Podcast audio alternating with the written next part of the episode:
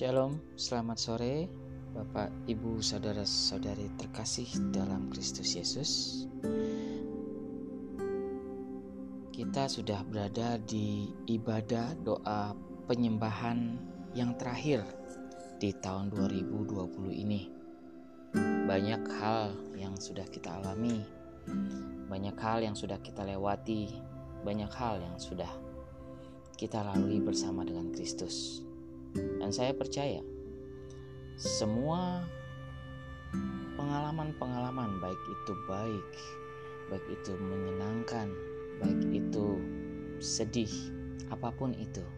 Saat kita melewatinya bersama Yesus, maka kita akan lihat banyak hal-hal yang luar biasa yang Tuhan kerjakan dalam hidup kita selama tahun 2020 ini. Oke, uh, saya tidak akan berlama-lama dalam sambutan saya. Mari kita buka di Filipi 3 ayat 13 sampai 16. Filipi 3 ayat 13 sampai 16. Saudara-saudara, aku sendiri tidak menganggap bahwa aku telah menangkapnya. Tetapi ini yang kulakukan aku melupakan apa yang telah di belakangku dan mengarahkan diri kepada apa yang di hadapanku dan berlari-lari kepada tujuan untuk memperoleh hadiah yaitu panggilan sorgawi dari Allah dalam Kristus Yesus. Karena itu, marilah kita yang sempurna berpikir demikian dan jikalau lain pikiranmu tentang salah satu hal, hal itu akan dinyatakan Allah juga kepadamu. Tetapi baiklah tingkat pengertian yang telah kita capai, kita lanjutkan menurut jalan yang telah kita tempuh. Saya sangat menyayangkan satu program TV yang waktu itu sempat populer yaitu Amazing Race.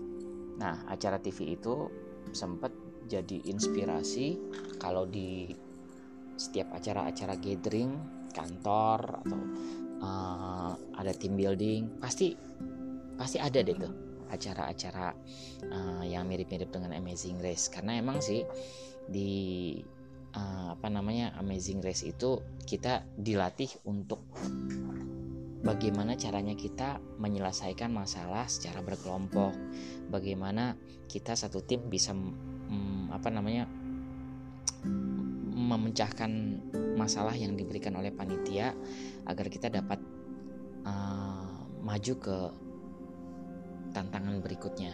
Setiap tantangan ada poin-poinnya, setiap tantangan ada uh, peraturan-peraturannya sendiri ya. Nah uh, satu hal yang saya catat di di pada saat kita main Amazing Race tersebut kita itu dituntut kecepatan. Kita itu dituntut untuk ya mau nggak mau kalau untuk cepat ya kita mesti lari kita mesti melakukan segala sesuatunya dengan cepat tapi juga dengan teliti. Kita nggak bisa main asal-asalan karena nantinya bakal berantakan.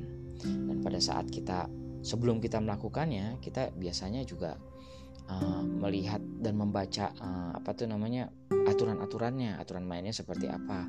Harus begini harus begitu. Goalnya harus seperti apa? Yang nggak boleh dilakukan itu apa? Yang harus dilakukan itu apa?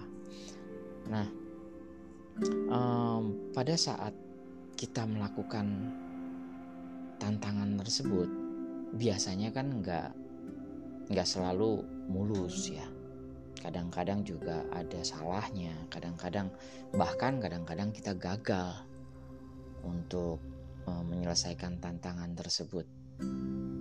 Tapi di situ kita diajar untuk pada saat kita gagal di satu tantangan, kita jangan down, kita jangan putus asa, kita jangan berlarut-larut dalam kegagalan itu, tetapi justru kita di di dipacu untuk lebih baik lagi di tantangan berikutnya agar poin kita uh, yang tadinya kita itu kehilangan poin di tantangan sebelumnya kita bisa membalasnya, kita bisa meningkatkan poin kita di tantangan yang berikutnya.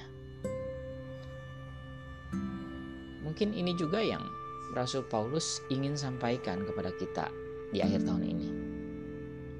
Saat Rasul Paulus bilang bahwa saudara-saudara aku menganggap aku sendiri tidak menganggap bahwa aku telah menangkapnya. Ini uh, agak unik nih kata-kata menangkap. Kok Rasul Paulus ngomong menangkap ya?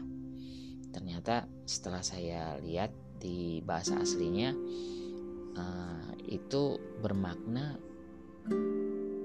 mengerti. Jadi saudara-saudara aku sendiri tidak menganggap bahwa aku telah mengerti. Jadi Rasul Paulus mau bilang bahwa uh, Rasul Paulus dengan segala hmm, pengertiannya, dengan segala hikmatnya, dia mau bilang bahwa dia itu juga punya kelemahan. Dia nggak mau berpuas diri dengan apa yang dia udah tahu. Dia bilang bahwa aku tidak menganggap bahwa aku telah mengerti. Tetapi ini yang kulakukan. Nah, ini Tuhan eh, apa Rasul Paulus mengingatkan kepada kita bahwa aku melupakan apa yang telah di belakangku dan mengarahkan diri kepada apa yang di hadapanku. Ya tentunya Rasul Paulus nggak bilang bahwa kita harus melupakan segala-galanya. Kalau Rasul Paulus melupakan segala-galanya juga Rasul Paulus lupa dong sama bahwa dia pernah ketemu Tuhan Yesus. Lupa dong sama bahwa dia itu pernah jadi orang yang pernah menganiaya menganiaya jemaat Tuhan. Enggak. Maksud dari Rasul Paulus di sini adalah melupakan yang telah di belakang itu adalah supaya kita itu enggak berfokus pada apa yang di belakang kita. Enggak ada kan orang yang mengendarai kendaraan baik itu sepeda motor maupun mobil. Sepanjang perjalanan dia hanya berfokus kepada kaca spion. Ya kan? Pasti fokusnya pada apa yang di depannya. That's why kaca spion dibikin enggak lebih lebar daripada kaca depan. Kaca spion pasti dibikin lebih kecil. Kalau enggak ya nggak kelihatan depannya kan. Jadi Rasul Paulus bilang, aku melupakan apa yang telah di belakangku. Dalam pengertian dia nggak mau fokus apa yang ada di belakang. Mungkin kegagalan yang pernah kita lalui, mungkin kehilangan yang pernah kita alami, mungkin perasaan dikhianati, mungkin segala hal-hal yang buruk yang pernah kita lewati di tahun 2020 ini. Tapi bisa juga hal-hal yang menyenangkan, hal-hal yang uh, apa? Hal-hal yang menggembirakan, kesuksesan. Itu juga jangan jadikan itu sebagai uh, satu fokus kita. Paulus di sini bilang bahwa aku melupakan apa yang di belakang. Aku nggak fokusin lagi kepada hal-hal yang di belakang. Hal-hal yang di belakang itu walaupun itu sedih, walaupun itu senang, apa pun itu, itu sudah di belakangku. Dan aku mau mengarahkan diri kepada apa yang di hadapanku. Kemudian berikutnya, dan berlari-lari kepada tujuan untuk memperoleh hadiah. Rasul Paulus bilang bahwa kita harus berlari-lari. Orang yang lari biasanya itu lari dengan semangat kan. Kalau lari nggak semangat saya bingung deh larinya kayak gimana ya. Tapi orang lari pasti semangat.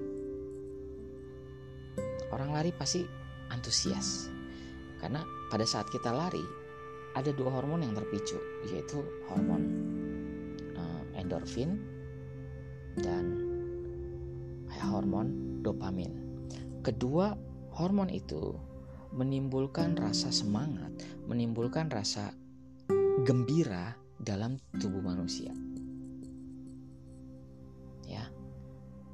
Jadi Rasul Paulus bilang bahwa kita harus berlari-lari untuk kepada tujuan untuk memperoleh hadiah.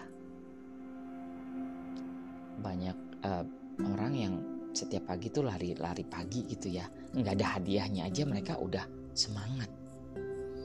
Gimana kalau misalnya mereka dibilang bahwa kalau lu lari lu ntar dapat giveaway. Ya pasti kenceng lebih kenceng lagi dia. Ya kan larinya? Kita pun demikian. Rasul Paulus bilang bahwa ada hadiah buat kita menanti di saat kita berlari-lari kepada tujuan harusnya kita lebih semangat untuk menyongsong tahun 2021 ini dan tidak melulu melihat ke tahun 2020 yang sebentar lagi kita lewati. Ya. Jadi pada saat kita di ujung tahun ini apa pun yang telah kita lewati, baik itu senang, baik itu sedih, baik itu uh, menggembirakan, baik itu kehilangan, apa pun itu, kita lupakan. Bukan berarti kita lupakan terus benar-benar lupa, tapi kita ubah fokus kita kepada apa yang sudah Tuhan sediakan di tahun 2001 nanti. Oke, berikutnya ayat 15. Karena itu marilah kita yang sempurna berpikir demikian. Bapak Ibu saudara-saudari sekalian yang dikasih oleh Tuhan, kita sadar bahwa kita itu adalah orang-orang yang dikasihi oleh Tuhan. Kita udah disempurnakan oleh Allah dan biarlah kita berpikir secara sempurna. Berpikir demikian bahwa kita adalah orang-orang yang sempurna. Kita bukanlah sebuah produk gagal yang Tuhan ciptakan. Kita bukanlah orang-orang yang uh, pecundang. Ayat ini dengan jelas karena itu marilah kita yang sempurna berpikir demikian. Jangan kita berpikir bahwa wah uh, tahun 2020 kemarin gua hancur-hancuran. Ya udahlah tahun 2001 juga gimana lagi aja dah. No. Kita itu sempurna dan biarlah kita berpikir demikian. Dan jikalau lain pikiranmu tentang salah satu hal, hal itu akan dinyatakan Allah juga kepadamu. Kiranya Bapak Ibu, Bapak Ibu saudara-saudara kekasih, jangan pernah berpikir bahwa kita itu gagal. Sama seperti tantangan Amazing Race tadi. Di saat kita gagal di satu tantangan, ayo cepat bangkit Ayo cepat, maju ke tantangan berikutnya. Jangan diem aja, jangan meratap, jangan mengeluh. Ayo maju terus. 2021 udah di depan mata. Kita nggak mau maju pun 2021 pasti akan menghampiri kita. Nggak mungkin, oke, okay, oh gue nggak mau, gue nggak mau masuk 2021 ah, gue nggak mau. Terus nanti kalendernya biar 2020 aja ya nggak bisa kan tetap aja itu tanggal 1 nanti ya 2021 kemudian ayat berikutnya.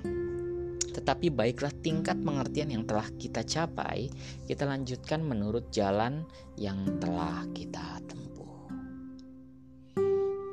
Biar kiranya tingkat pengertian tingkat keimanan tingkat kerohanian kita kita tingkatkan yang kita udah capai di 2020 ini kita tingkatkan lagi.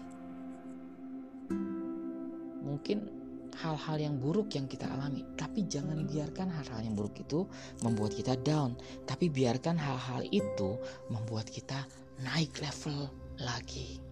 di hadapan Allah. Mungkin hal-hal yang uh, menyenangkan justru yang kemarin kita lewatin. Jangan biarkan hal-hal yang menyenangkan tersebut membuat kita jauh dari Allah. Tapi justru kita mengucap syukur. Justru kita harusnya uh, mengingat bahwa semua ini adalah kasih Allah yang telah diberikan kepada kita. Sehingga tingkat pengertian yang telah kita capai di tahun 2020 ini kita tingkatkan, kita lanjutkan menurut apa apa pun yang telah kita tempuh di tahun 2020 kemarin. Lanjutkan segala sesuatu yang Bapak Ibu lakukan sekarang. Kalau misalnya 2020 ini Bapak Ibu Saudara mengalami kebuntuan dalam hal pekerjaan, dalam hal usaha, dalam hal rumah tangga, dalam keluarga, dalam pelayanan, dalam apa pun itu. Jangan menyerah. Jangan menyerah.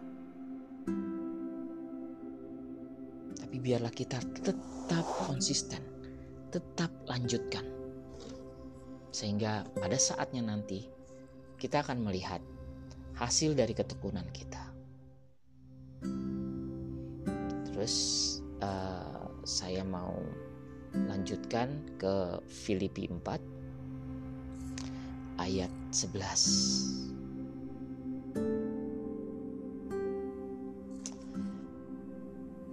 Filipi 4 ayat 11 Kau katakan ini bukanlah karena kekurangan Sebab aku telah belajar mencukupkan diri dalam segala keadaan. 12 Aku tahu apa itu kekurangan dan aku tahu apa itu kelimpahan. Dalam segala hal dan dalam segala perkara tidak ada sesuatu yang merupakan rahasia bagiku Baik dalam kenyang maupun dalam hal kelaparan Baik hal baik dalam hal kelimpahan maupun dalam kekurangan. Segala perkara dapat kutanggung di dalam Dia yang memberikan kekuatan kepadaku. Jadi Bapak Ibu Saudara sekalian, apa pun yang kita lewati di tahun 2020 kemarin merupakan modal kita untuk maju di tahun 2021 nanti. Apa pun yang telah kita capai, biar kiranya itu menjadi stepping stone, menjadi anak tangga buat kita, agar iman kita, agar kerohanian kita lebih ditingkatkan lagi di tahun 2021 nanti. Saya percaya bahwa tahun 2021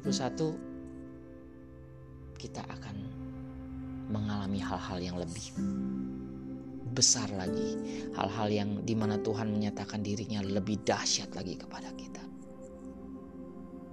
Amin. Mari kita berdoa. Tuhan terima kasih ya Bapak.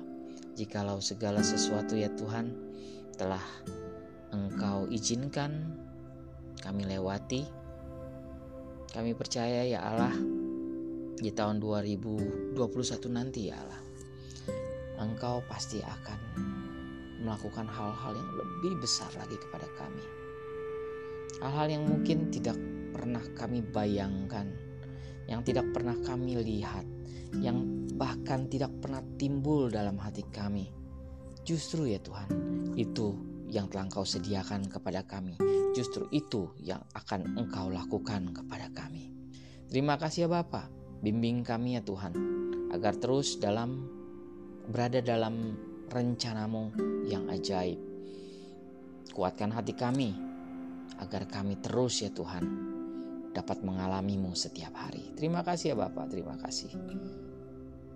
Dalam nama Tuhan Yesus, kami berdoa dan mengucap syukur. Haleluya. Amin.